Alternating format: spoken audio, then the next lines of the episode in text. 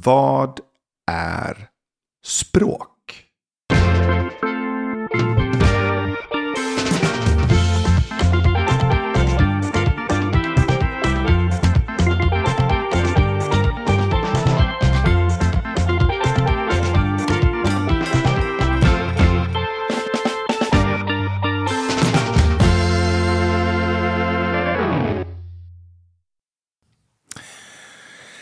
Ja, jag skulle vilja, jag skulle vilja förklara det så här. Men det finns ju naturligtvis olika sätt. Men jag tycker det är ett kul sätt att förklara det på.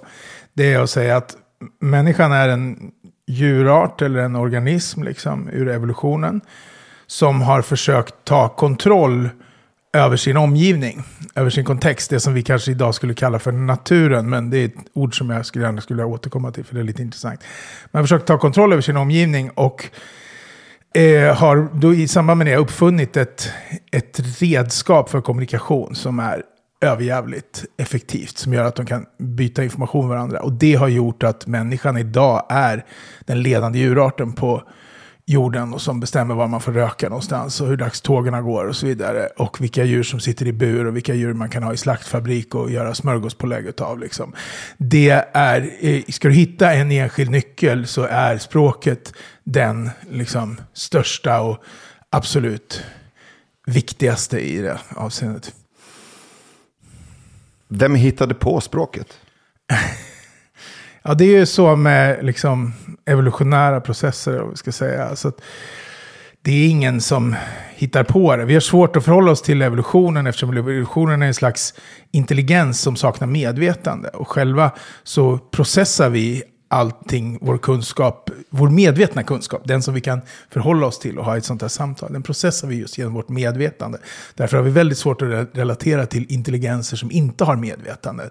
Trots att de är, och då, eller kanske just på grund av att de här, som evolutionen, är många miljarder gånger större än vår egen intelligens. Men det är alltså ingen, om vi inte personifierar evolutionen och sånt där så kan man inte heller säga att det är någon som har, vem har uppfunnit kängurun liksom. Det är svårt att, att göra den typen av... Ja, liksom. Fan, uppfann kängurun i synnerhet. Precis. Skön snubbe. Det är samma Nå karaktär som uppfann armadillor. precis, ja, bältdjur och sådär. Alltså sjuka liksom, sjöpungar och, och, och massa sådana här uh, myrslokar. Nej, men det är det som är så spännande tycker jag. Så att vi lever i, en, i ett samhälle där vi tror att vi har koll på saker och ting. Och vi tror att vi vet vad kunskap är. Det vet vi inte alls. Vi, vi liksom skrapar lite grann på ytan och relaterar till vår medvetna kunskap som är kanske toppen på ett isberg. Kanske 2-3% av den verkliga kunskap som vi har. Och eh, språket är då tillkommet genom omedveten kunskap. Så att det, det är ingen människa som har uppfunnit det, alla har hjälpt till. Det är en process liksom. Och eh, du kan också, om vi backar tillbaks till det evolutionära så kan du säga att evolutionen verkar experimentera med olika lösningar på problem. Evolutionen har enligt, vad ska vi säga, ja, det är en slags Schopenhauersk princip. Det enda som finns är viljan till liv och att livet ska föras vidare. Liksom. Det verkar vara det enda som evolutionen är intresserad av. Och eh, då experimenterar den ju med olika lösningar som kommer fram genom det så kallade naturliga urvalet som Darwin har kartlagt och visat för oss. Och det kan vara en lösning på ett djur som inte kan försvara sig, kan vara att den har en snigel, har en snäcka som den kan krypa in i, eller, eller en, ett, eh, sköldpaddan kan ha ett skal, eller du kan ha ett horn som du kan försvara dig mot dina fiender med och så vidare. Du kan ha som kängurun en ficka på magen där det lilla fostret utvecklas eh, liksom, i, i slags specialsymbios, då, lite så att säga utanför kroppen men ändå väldigt nära kroppen och så vidare. Allt det här är olika lösningar. Du kan egentligen se på språket, jag tycker det är tilltalande att se på språket som en slags abstrakt organ. Till skillnad alltså från horn och sköldar och sådana här saker, mm. svansar och grejer. Mm. Som fjäll och vingar. Som är konkreta organ så är eh, språket ett abstrakt organ. Och som vi då inte sitter fast på en enskild individ. Utan som då delas och måste liksom bara få sin funktion tillsammans med andra. Och det där drar ju lite grann en annan gräns mellan individ och någonting högre, någonting större, en större grupp. Men det vet vi att i naturen så är inte gränsen mellan individ och, och eh, någon slags kollektiv och så vidare. Myrstack och så vidare beter sig som en individ trots att den innehåller liksom olika celler och så här. Så att jag ser det lite grann som en sån lösning. Och man kan tycka att det är väldigt smart på det här sättet att vi får ju, vi, vi, vi föds inte med språket. Vi, vi, om du tittar på en människa när vi föds så har vi ett antal medfödda kunskaper, men det är bara sådana som vi delar med djuren. Vi har aldrig några specifikt mänskliga kunskaper. Vi föds inte och kan, vi kan inte cykla eller prata eller laga korvstroganoff när vi föds eller någonting. Utan vi kan liksom andas, sova, äta, och sådana saker som de andra djuren också kan. Det som är specifikt mänskligt måste vi lära in. Och då lär vi in det i ungefär den ordning som människan har kommit på det. Så att vi, det första vi, som händer är att vi lär oss gå. Det gör vi i regel första året, i slutet av första året eller någonting. Då kan vi fortfarande i regel inte prata särskilt mycket, kanske enstaka ljud eller ord eller sådär. Men, men, och det avspeglar då att människan lärde sig gå redan för flera miljoner år sedan. Och språket är nog något yngre, kanske en till två miljoner år eller något sånt där. Väldigt svårt att sätta. Men det kommer också ganska direkt efter man har lärt sig gå. Och sen kommer ju liksom senare grejer som att ta körkort och liksom eh, läsa och sådana här saker. Det har kommit senare i människans historia och det liksom avspeglar då eh, det här. Men vad jag ville säga med det då, jag ska försöka inte flytta ut för mycket, är alltså att Ehm, det här är ju ett otroligt smart sätt. Vi har redan en väldigt stor hjärna. En, kvin en kvinna som föder ett barn är liksom i en ganska, det vet alla kvinnor som har fött barn, i en väldigt pressad situation så att säga. Vi, vi vill inte att fostret ska ha en större hjärna liksom. Så det är en otroligt smart grej att eh, ingenting av det här behöver passera genom den trånga bäckenkanalen. Utan det är bara hårdvaran som passerar genom bäckenkanalen. Och sen allting som du laddar på mjukvaran det gör du utanför kroppen. Liksom. Det är en väldigt bra evolutionär lösning. Varför tror du att språket uppstod i mänskligheten just för en miljon år sedan? Ja, det är svårt att säga. Alltså, det är också en sån process. Liksom. Var drar du gränsen för? Man, man gör en gräns mellan djur, har, när vi säger att djur har språk så har de inte det, utan de har signalsystem. För varje läte har egentligen en betydelse. Människans trick är ju att vi kan, varje läte inte har en betydelse utan att vi kombinerar dem. Vi bygger som, kan vi, som med lego, kan vi bygga vilka figurer och innehåll som helst. Så att säga. Och eh, där innebär att det är svårt att dra gränsen för vad som är mellan ett signalsystem och när, när människans signalsystem blir så avancerat så att vi skulle kalla det för ett språk. Vi har för, fortfarande kvar vissa signaler så att säga i vårt språk. Om, om jag ser dig på stan och jag ropar så, för att du ska alltså uppmärksamma. Det, det ordet går inte att böja, det går inte att liksom. Det är ett, en uppmärksamhetssignal. Och så här. Mm, när vi pratar, jag säger mm, det ordet finns inte i Svenska Akademins ordlista. Men det är klart att det är ett ord, men det är också en signal, för det har egentligen bara en betydelse, det är bekräftelsen. Ja, och så vidare. Så att vi är ju fortfarande någonstans i ett senare skede mellan en utveckling av ett signalsystem som blir ett komplext språk. Exakt när man ska dra gränsen för. Men men alltså, det finns de som säger att det här kanske har skett först för ett par hundratusen år sedan. Det tror inte jag. Det finns säkert de som säger att det har skett för flera miljoner år sedan. Att säga ungefär en miljon eller en till två miljoner så, så lägger man sig någonstans lite försiktigt emellan där.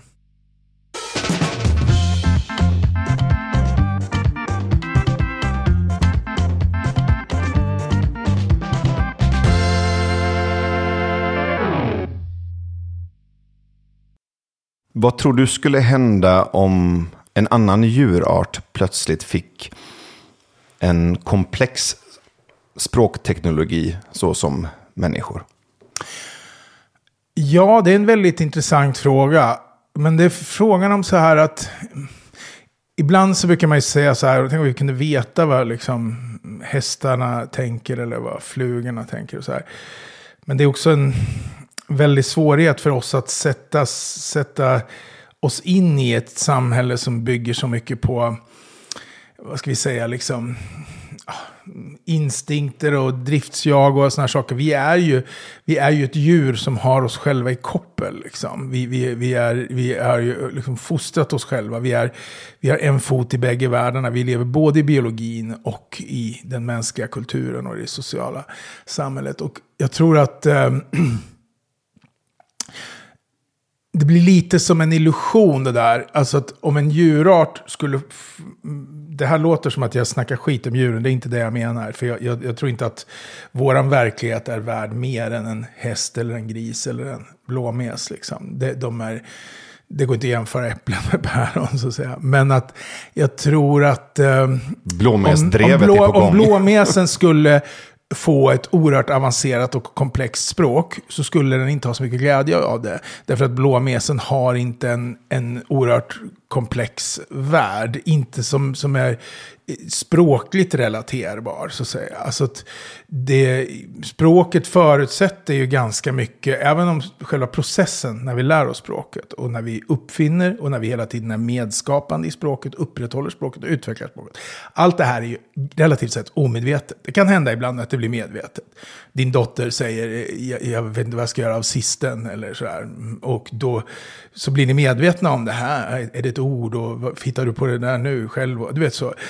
Men väldigt, väldigt mycket av det här ligger ju på ett, på ett eh, väldigt mycket grej kring vår kompetens kring språket ligger på ett omedvetet plan. Men vi använder språket till att prata om medvetna saker. Och då försöker föreställa mig en småfågel så att säga, så det skulle liksom omforma dess liv väldigt mycket att kunna ha tillgång till och ha användning för ett väldigt komplext språk som liknar människans. Därför att då skulle den behöva liksom sortera och börja sätta etiketter på burkar och sådana saker. Alltså frågan är om blåmesen till exempel, då skulle blåmesen få tillgång kanske till ett språk där det fanns namn på alla andra djurarter så att säga. Och alla andra fåglar. Och frågan om då blåmesen kanske har vissa fiender, eh, rovfåglar eller skarvar eller sådana saker. Liksom frågan om den, om den skulle vinna någonting eller ha glädje av att ha den kanske har en, en väldigt bra känslomässig laddning kring eh, hur vissa rovfåglar ser ut på håll eller skuggan eller beteende eller tecken på dem. Och så saker, som är mycket mer effektiv för den. Så att jag tänker att när människan har uppfunnit språket så har det också liksom... Det är inte en... Det är inte, det, jag får rätta mig själv lite grann, eller backa lite liksom i det här. Att, att, det är inte så att vi har bara uppfunnit språket och sen har det gett en massa fantastiska resultat i hur världen lever. Utan det här är ju en komplex, så, som ömsesidig process. Liksom. Att språket utvecklas och då utvecklas människan lite och då utvecklas språket mer och då utvecklas människan ännu lite mer. Liksom. Så att det är svårt att isolera det. Det är mitt korta svar på den här långa utläggningen. Vad tror du kan vara en eller några negativa konsekvenser av att människan har utvecklat ett komplext språk? Jag tror att en tydligt negativ eh, i alla fall så som det ser ut idag, när vi också är väldigt präglade av teknikaliteten, skriftspråket, som ju liksom har blivit vår, som vi tror är det rätta språket, vilket är liksom väldigt lustigt eftersom skriftspråket förhåller sig lite som en robot till en människa, alltså en väldigt förenklad version av någonting oerhört komplext, levande och så här. Men vi, vi har nog, vi, språket gör nog att vi i mycket högre utsträckning på gott och ont klarar av att liksom kontrollera oss själva och vi frigör oss ifrån. Alltså, det är ju en absurditet i det egentligen. Alltså att människan är eh, det djur som har frigjort sig absolut mest ifrån naturen. Vi är fortfarande hotade av klimatproblem och väderomständigheter och sådana här saker. Men om vi jämför med hur, hur väldigt många livsformer har sett ut under naturhistorien så bemästrar vi naturen och kontrollerar den väldigt, väldigt mycket. Och samtidigt så är vi utestängda från den. Vi dyrkar naturen. Liksom. Vi, vi, vi, eh, vi pratar om detta. Eh, man är på Tinder så alla vill gå ut i skogen och gå promenader. Och liksom det, det är ett, svenskarna är ju särpräglat liksom, naturdyrkande så att säga. Så att det kan man väl se att det är en process som har försiggått eh, under väldigt, väldigt lång tid. Att vi eh, kommer mer och mer liksom vid sidan av det här stora sammanhanget. Liksom. Vi har gett oss iväg, vi har en plan. Den är inte hundraprocentig, det skakar emellanåt. Liksom. Och vi gör också en, en ganska stor grej av det, att vi liksom längtar lite tillbaka. Och så länge vi kan upprätthålla den här föreställningen att ja, ja, vi håller på med vårt stora mänskliga projekt. Vi ska göra fantastiska bragder och vi ska global ekonomi och vi ska utveckla, utveckla uppfinningar och hög levnadsstandard. Och så ska vi ändå liksom kunna bara släppa alltihopa och eh, njuta och ligga i havet och plaska eller gå i en fantastisk skog och sitta och titta, ligga och titta på eh, trädens kronor som vajar där uppe eller fåglarna och sådana saker. Liksom. Så länge vi upprätthåller den känslan att vi kan kliva in och ut i naturen utifrån vår egna för egna önskningar, då, eh, då är vi nog hyfsat nöjda. Men jag tror att det blir svårare och svårare för oss. Vad betyder ordet naturen egentligen? Ja, det är ett jätteintressant ord, för att ordet betyder ju födelse. Det är alltså nativitet eh, och så vidare. Att när man, och ordet kom ju in, det här är ju språkhistoriskt tycker jag väldigt intressant. Ordet kommer in i svenskan först på 1600-talet på allvar. Så innan dess finns det inget ord för natur. Skulle du prata med en, en familj, eh, medeltida svenskar så att säga, så, så skulle de inte kunna förstå vad du menar med naturen. Vad är det? det vad, hur ska vi definiera det? Det är allt. Egentligen är allt utom, utom liksom människan. Och jag vet att vi, vi min bror gjorde mig uppmärksam någon gång på när vi, vi pratade om så begreppet naturliga råvaror. och så här. Vad, fan, vad är det egentligen? Alltså, när du börjar tänka efter, vad är det så säga, som inte är ifrån naturen? Men det här är ju ett, eh, det är ett komplext ord och det finns en historiker som heter Caroline Merchant som jag tycker är väldigt intressant som har ett liksom, lite feministiskt perspektiv på historien och menar att människan på 1600-talet ungefär kommer i den här föreställningen att, eh, att vi verkligen tror på vårt herravälde över naturen. Och i tidigare i många kulturer och så, är, så, är, så är naturen en hon, moder jord, som vi liksom förhåller oss till och som vi ska underordna oss. Och sen så läggs liksom grunden till det här att naturen blir ett objekt som inte har med oss att göra och som du kan Eh, Eh, liksom, eh, ja, göra affärer på och brandskatta och ta ut och, och liksom hela tiden resurserna och så här.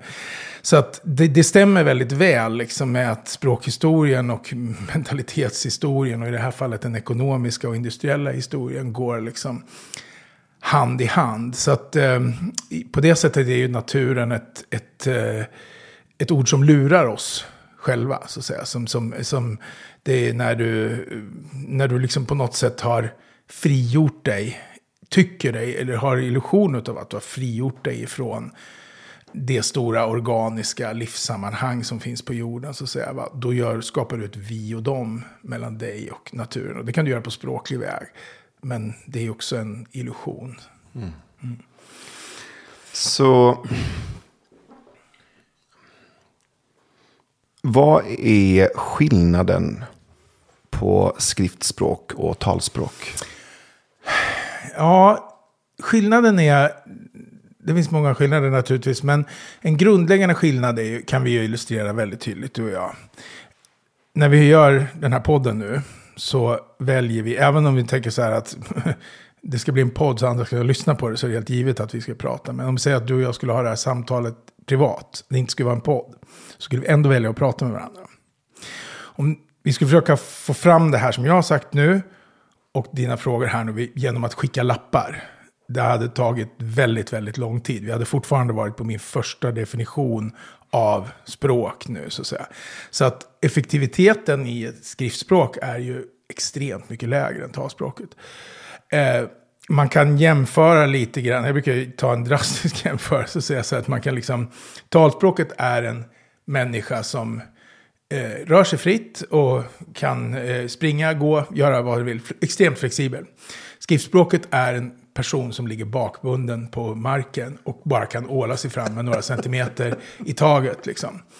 Och det, det är naturligtvis taskigt att göra den eh, liksom, med romaner och nobelpristagare och, och Dante och antika mästare som har skrivit storverk på skrift, i skriftspråket. Men det handlar inte om en värdering i, i, när det gäller liksom litteratur, utan det handlar om värdering i när det gäller kommunikationsmöjligheter.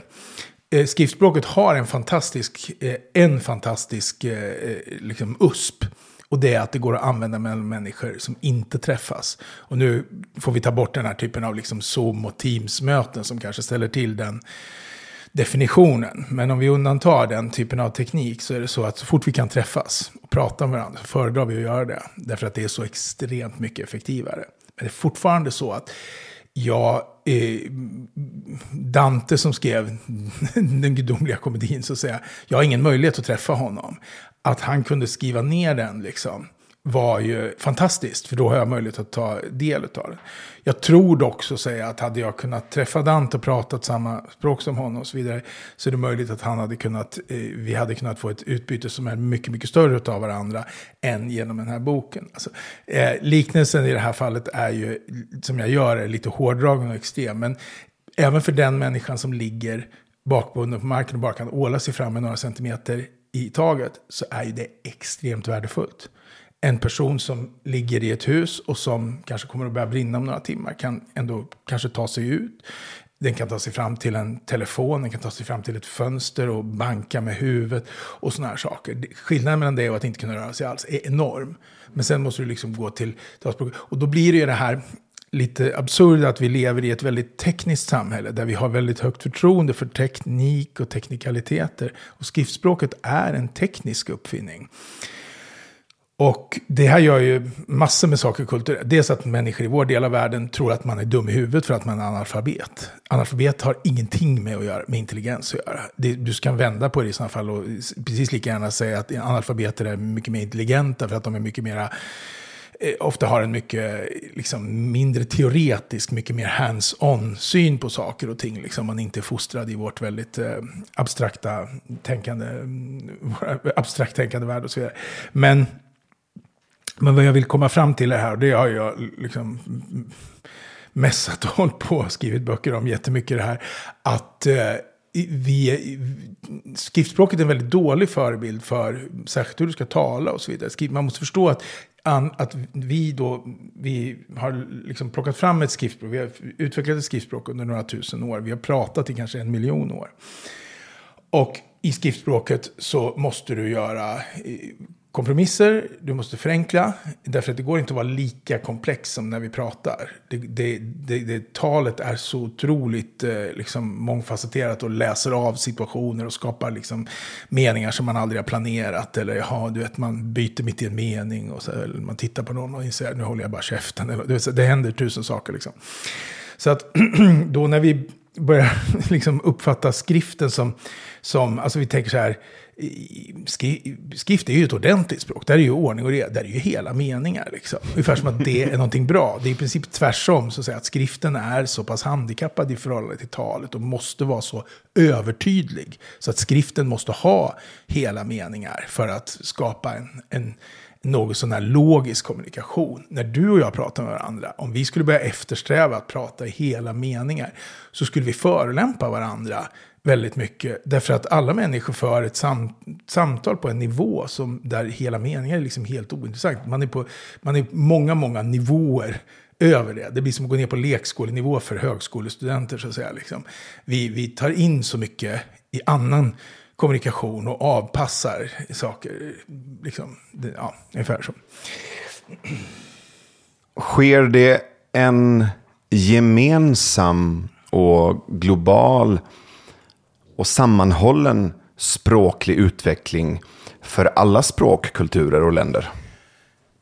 Det vet inte jag, men det finns ju intressanta exempel på det här. I alla fall sånt som jag har funderat över. Nästan inga språk, äldre språk, har någon bestämd form. Utan man pratar bara i obestämd form så att säga. Och så ser till exempel fornsvenskan ut liksom. Då i, i, i nutida svenska så skulle man inte säga det kommer mannen kom till byn, utan man kommer till by liksom. Och så vidare. Man, man har eh, eh obestämd form så att säga.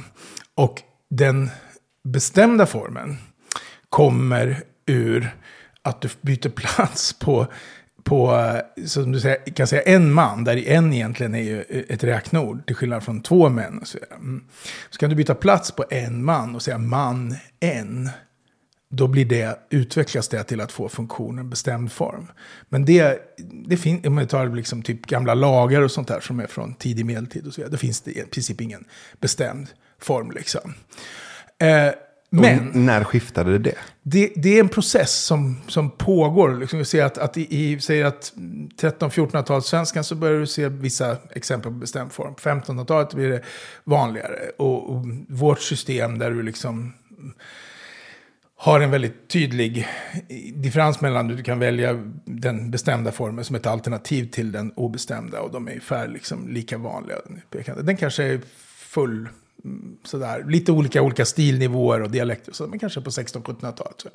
Men det här är ju en process som inte alls bara är i Sverige. Utan den här genomgår ju nästan alla europeiska språk.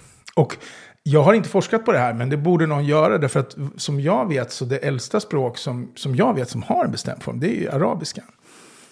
Och arabiskan har väl L, eller det är väl lite olika i olika, och det syns ju tydligt liksom i de här eh, vad heter det, romanska språken, att deras bestämda former, de ser ut att vara lite inspirerade av arabiskan. Och jag tänker att det är väldigt, du har en högkultur i arabiskan, eh, i den arabtalande världen, eh, och, som, och du har väldigt mycket kontakter med, inte minst med, men med den latinska världen, med Medelhavet, eh, romarriket och sen Spanien, Frankrike, de här länderna som växer fram, och de språken som växer fram och så vidare. Så där, det är kanske någon som har skrivit en 500 sidor tjock bok om det här, eller någon avhandling och så. Men, men jag tycker att det är intressant, därför att det här handlar ju om, eh, eh förmodligen om, om förändringar i människors liv. Att de äldsta språken som vi vet, om vi tittar på liksom, afrikanska språk eller sådana klickspråk, eller liksom olika, så verkar man inte ha någon bestämd form. Det måste ju vara någonting som har hänt i människans värld och någonting kring Europa, Mellanöstern i ett liksom handel, dagligt liv, eh, sådana här saker, lever tätare, kanske får ett större behov av att peka ut, så att tydligt kunna skilja grejer åt. Liksom. Men kanske procenten av situationer där du har liksom fler av någonting och du behöver en bestämd form för, för att liksom vara tydlig. och så här. Men det är, det är bara gissningar. Men det är ett exempel på någonting som man skulle kunna se. Det finns nog många andra, eh, alltså de här ord som är naturen till exempel. Där har du ju samma sak. Familj är ett ord jag har intresserat mig jättemycket för. Eftersom det inte finns något ord för kärnfamilj i någonstans något gammalt språk. Och vi ändå lever i en kultur där vi uppfattar kärnfamiljen som ett slags fundament i samhället. Medan det i själva verket är en ganska sen uppfinning av industrialismen och en anpassning. Då, att den flyttbara arbetskraften, det vill säga mannen, ska kunna ha sin reproduktionsenhet, kvinnan och barnen med sig. Så att säga. Det blir ett, ett steg neråt för kvinnan och det blir ett steg neråt för alla egentligen, för man liksom bryter upp det här. Och ordet familj, som är hämtat ur latinet, betyder inte heller liksom kärnfamilj eller besläktade människor, utan det betyder de som bor under samma tak, de som hushållar tillsammans. Liksom. Så att inga, åtminstone indoeuropeiska språk och inga andra språk jag har träffat på, har den där typen av ord just för mamma, pappa, barn, vilket borde vara ett tydligt statement för oss att eh, vi kanske, det kanske inte alls är den som vi många tror idag, mest naturliga livsformen för människan. Varför är det så stor skillnad mellan svenska och mandarin som skriftspråk? ja, här behöver man kunna mer om hur, hur eh, de kinesiska skriftspråken har utvecklats. Men eh, vad jag vet lite hum om det här så är det ju så att det finns liksom eh, två huvud, eh, huvudspår när man utvecklar skriftspråk. Från början så verkar det som att eh, Eh, de flesta skriftspråk jobbar med symboler. Hieroglyfer till exempel. Och, så här, va? och det finns väl, jag tror att i vårat alfabet och som vi har fått liksom, eh, via latinet, som har fått av Grekland, fått av Fenicien. Alltså det är många steg i det här då liksom. Men då har du, eh, finns några rester, alltså bokstaven stort T eh, eh, återgår på en symbol som ska föreställa ett tjurhuvud. Och det kan man nästan då gissa sig till den här. Liksom. Men det är väldigt, väldigt lite kvar av det. Och det har övergått till att bli bara liksom, symboler. Så att säga. Den här figuren betyder det här ljudet. Det är ett steg att gå. Liksom. Ett annat steg att gå är ju att symbolerna eh, du fortsätter att använda symbolerna och eh, liksom stilisera dem och du har en, en symbol för varje ord. Och det är mera så mandarin och de kinesiska eh, och många östasiatiska språk har mer gått på den linjen. Det är lite olika varianter i det här. Japanska och koreanska har ju lite andra, men det är besläktade. Det är det huvudspåret om man säger så. Så det är liksom två olika vägar. Och det är som med mycket annat man tänker att uh, vissa saker verkar ligga lite förborgat i, i själva eh, utvecklingen. Alltså att man tror att människan kanske har uppfunnit jordbruket flera gånger oberoende av varandra på olika platser på jorden och så vidare. Det kan ju teoretiskt sett vara att människan inte ens, alltså all språkare kanske inte är släkt med varandra. Det, det, kan vi inte vara helt säkra på. Det kan finnas en liksom, inbyggd grammatik och utveckling i de här sakerna. Och vi ser då med skriftspråk att skriftspråk, det har man uppfunnit olika, som faktiskt inte verkar vara eh, åtminstone inte säkert är påverkade av varandra. Då kan man gå olika vägar. Nu när vi går över till den andra delen av lektionen där jag eh, slutar att prata i enbart frågor. Mm. Eh, och eh, åtminstone strävar efter hela meningar, eller hela meningar och andra meningar.